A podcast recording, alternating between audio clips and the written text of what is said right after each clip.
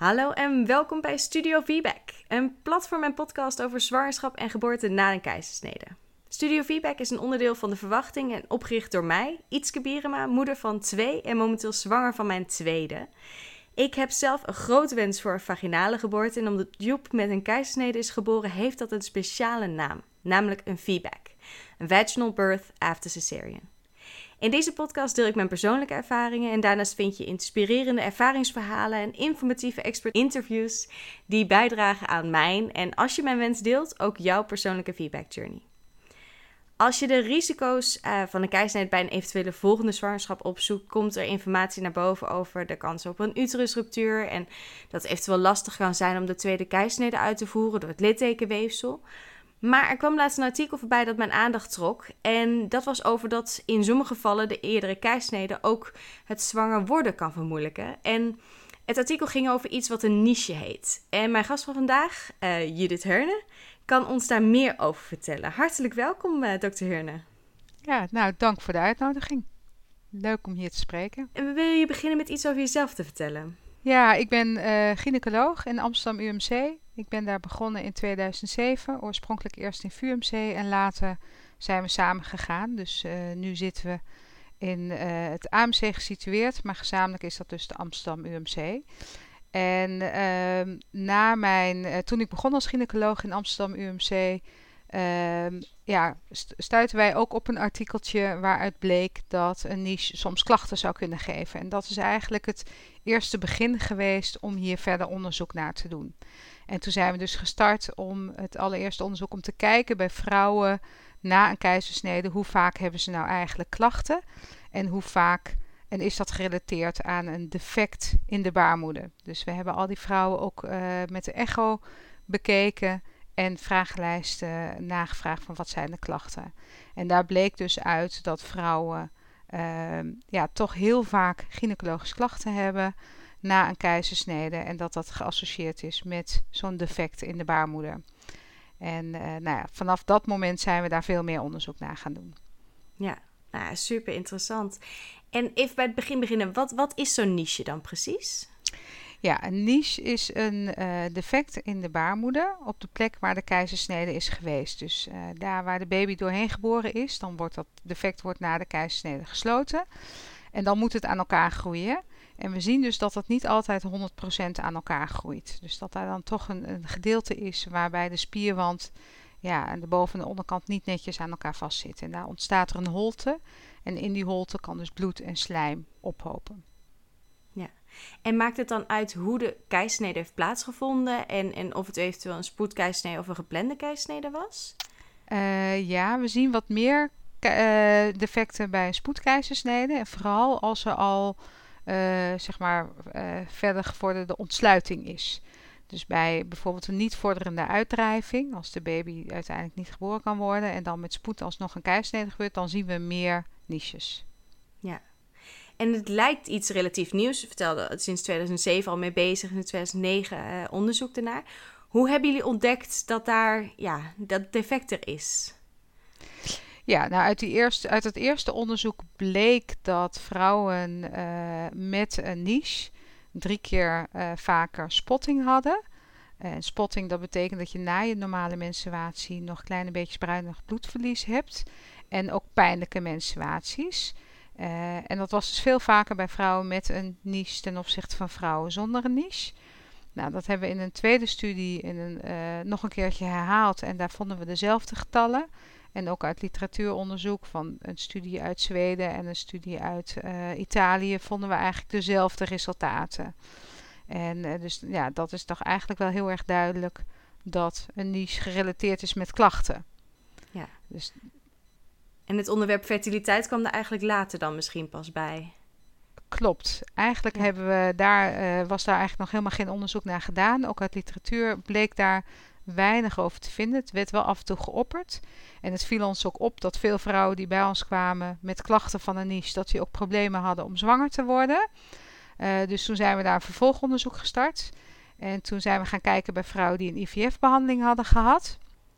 Um, en toen zijn we de vrouwen gaan vergelijken met één eerdere keizersnede met de vrouwen met één eerdere vaginale bevalling. En uit dat onderzoek bleek dat de vrouwen die een eerdere keizersnede hadden gehad, dat die een duidelijk lagere kans hadden om zwanger te worden dan de vrouwen met een eerdere vaginale bevalling. En het mooie van IVF-behandeling is dat als je in, in die groep kijkt, ehm, dat je uh, nou ja, met name weet dat je ook de implantatie de, het probleem is. want we kijken dan bij vrouwen die al een embryo teruggeplaatst hebben gekregen. Dus dan weet je dat de bevruchting geen probleem is. Dat, dat al die andere factoren dus in beide groepen hetzelfde is. Maar het enige wat dan nog verschillend is, is het implanteren. Uh, dus uit dat onderzoek lijkt het toch wel te zijn dat de niche effect heeft op het zwanger worden, maar dan met name op, het, op de implantatie van de embryo. Ja. En dit zijn dus vrouwen die eerder hoogstwaarschijnlijk uh, gewoon uh, ja, relatief makkelijk zwanger zijn geworden, waar, waar dat niet een probleem was. Nee, dat is, dat is wel typisch als je kijkt bij de vrouwen die bij ons op het spreken komen. Hè, dat, ze, dat ze juist zeggen van, goh, ik heb het gevoel dat er iets niet goed is. Want de eerste keer was ik heel vlot zwanger en nu duurt het echt al heel erg lang.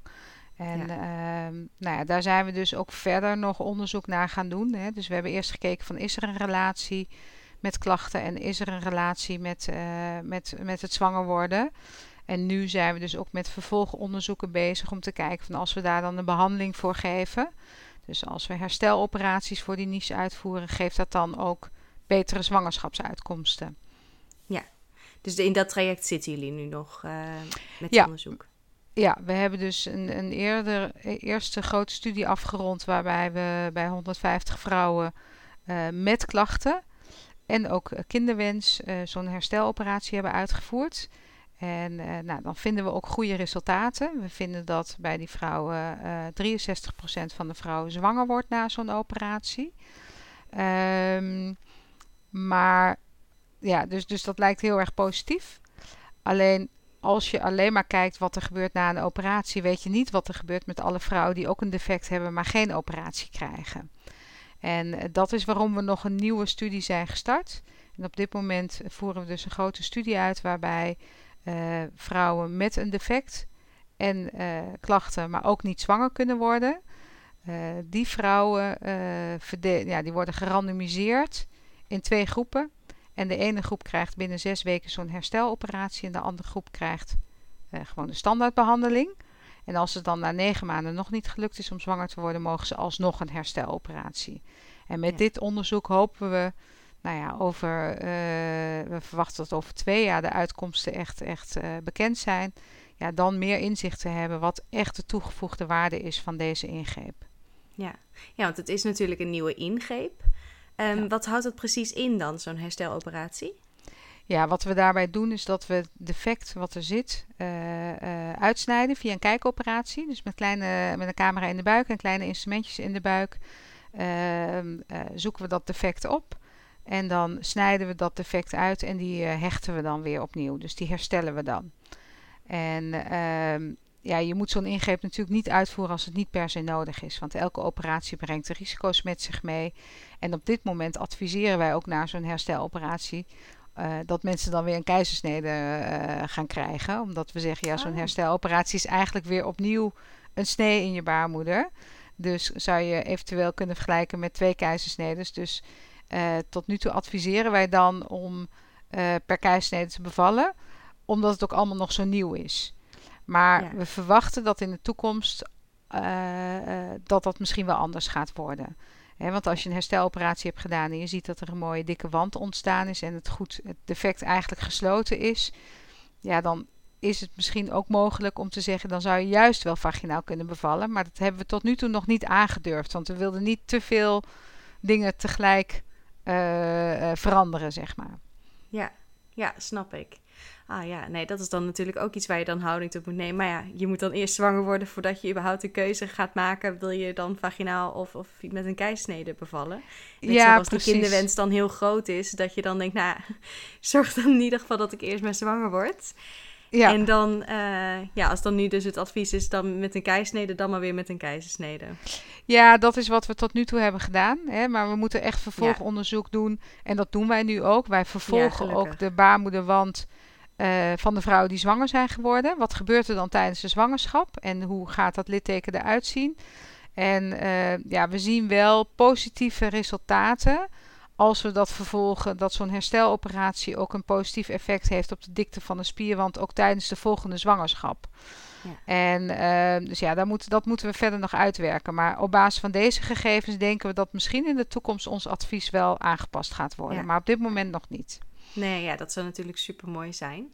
En hoe volgen jullie dan die, die, uh, de wond en, en de, de sterkte van de baarmoeder? Ja, dat doen we met echo's. Oké. Met Ja, en dat is een inwendige echo. En meestal als je zwanger bent, krijg je een uitwendige echo. Maar om echt goed naar dat litteken te kijken, moet je met je echoproop dicht bij het weefsel zitten. En dat is dus met een inwendige echo kunnen we dat zien. Ah, oh, ik wist niet eens dat je dat met een inwendige echo, dat je het littekenweefsel kon, uh, kon zien. Ja. ja. Oh, interessant. En hoe vaak hebben jullie het idee, komt het voor dat, dat uh, vrouwen daar een keizer een niche hebben? En hoe vaak komt het voor dat ze daar dan ja, klachten uitkomen? Ja, goede vraag. Uh, nou, het blijkt dus dat uh, als je kijkt met onderzoek, dat uh, als je heel goed kijkt, hè, dus met zo'n inwendige echo, dan zie je dat bij 60% van de vrouwen dat hij een niche heeft na een keizersnede. Maar dan definiëren we niche als een, een inkeping van minimaal 2 mm. En dat zijn natuurlijk echt hele kleine ink inkepingen. Um, maar we zien zelfs dat die kleine inkepingen ook spottingsklachten kunnen geven. Als je dan gaat kijken van hoe vaak is er nou een groot defect, dan zien we dat bij 1 op de 4 vrouwen. Dus dat is toch best wel heel erg vaak. Ja. En uh, we denken wel dat met name die grote defecten ook meer geassocieerd zijn met, met problemen met, met zwanger worden. Maar ook dat zijn we nog aan het uitzoeken. Ja, ja. Oh, dat is inderdaad wel een heel groot percentage voor een, ja, mogelijk een, um, ja, met grote gevolgen. Ja, klopt. Ja, daar waren wij. Een, een volgende zwangerschap. Precies, het is eigenlijk best bijzonder hè? hoe vaak we al, hoe lang en hoeveel keizersneden we doen. Dat die relatie eigenlijk nog niet eerder onderzocht is en opgespoord is. Ja, ja. En op dit moment, ja, sommige mensen uh, hebben de, keuze. En zeker als je eerder een keisnede hebt gehad, dan heb je de keuze voor een, een uh, vaginale bevalling of een vervolg uh, tweede keisnede. En soms in het geval van een stuitligging of vasa previa of placenta previa bijvoorbeeld, dan, heb, ja, dan is het gewoon van nou, dit gaan we doen.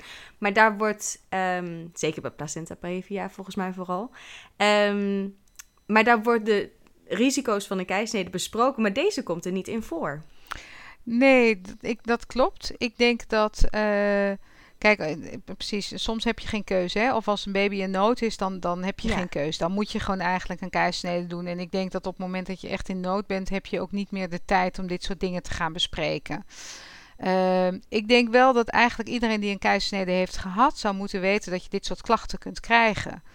Want vrouwen voelen zich vaak best wel onbegrepen. Uh, als we, we hebben daar ook onderzoek naar gedaan. Vrouwen zoeken best wel veel artsen op om uiteindelijk dan erachter te komen wat er aan de hand is. Omdat niet iedereen er meteen aan denkt. Dus ik denk dat dit soort informatie eigenlijk in de standaard informatiefolders opgenomen zou moeten worden.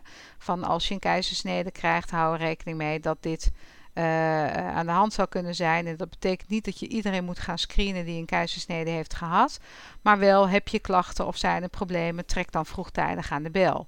En ik denk dat, dat dat gewoon wel belangrijk is. En ik denk als je een keuze hebt, bijvoorbeeld bij stuitligging of iets, ja, dan wordt er nu heel vaak gefocust op de, op de gevolgen mogelijk voor de baby. Maar ik denk dat, dat ook deze problemen daar eigenlijk wel in meegenomen zouden moeten worden.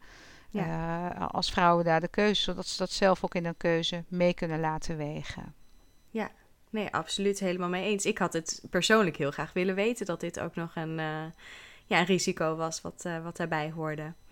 Um, en stel, er luistert iemand die denkt: hé, hey, ik herken die klachten. Ik heb een keisnede gehad en een spotting tussen menstruaties door, of een hele pijnlijke menstruatie, terwijl ik dat ja, normaal niet gewend was.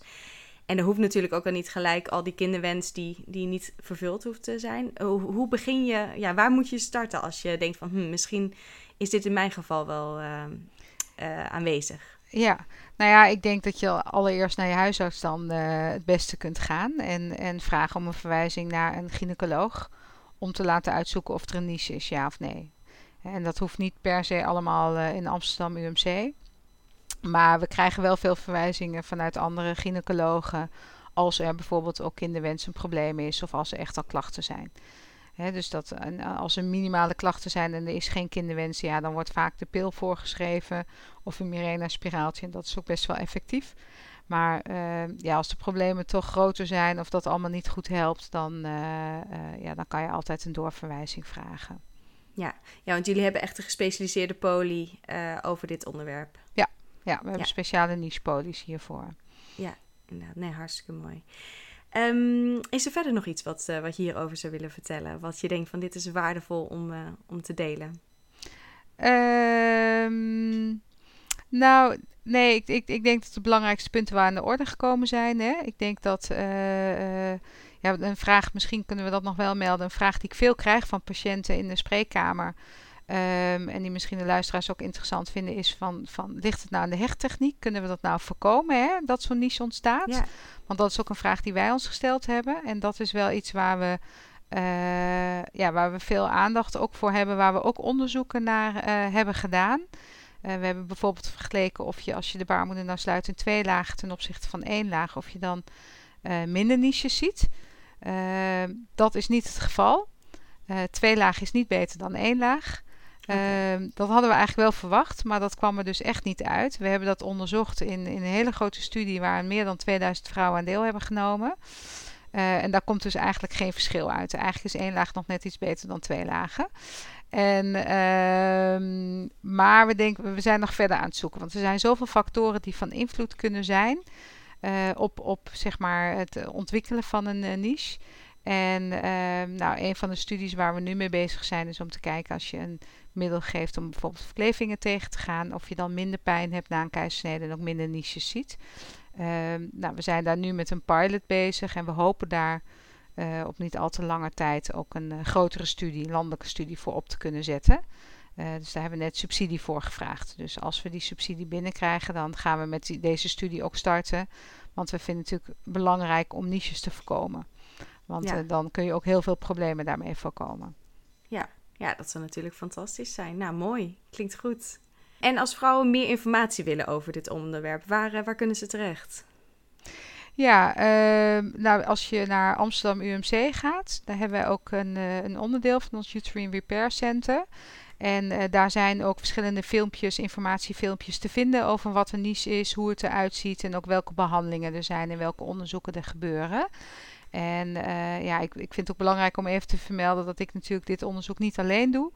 Uh, ik doe het met veel uh, andere onderzoekers. Er zijn ook veel andere gynaecologen bij betrokken die in gespecialiseerd zijn. En, ja, en ook heel veel promovendi. Er zijn al vier promovendi die al het onderzoek hebben afgerond. En op dit moment zijn er ook nog vier bezig. Dus er wordt veel werk verricht door een hele grote groep mensen. Nou, hartstikke bedankt voor, voor je tijd vandaag. Ja, helemaal goed. Dankjewel op Studio Feedback. Uh, de Instagram praten we verder over dit onderwerp. En ik hoor graag of uh, dit ook iets nieuws voor jou was. En of het uh, in jouw geval de keuze voor een geplande keisnede zou beïnvloeden. Tot de volgende keer.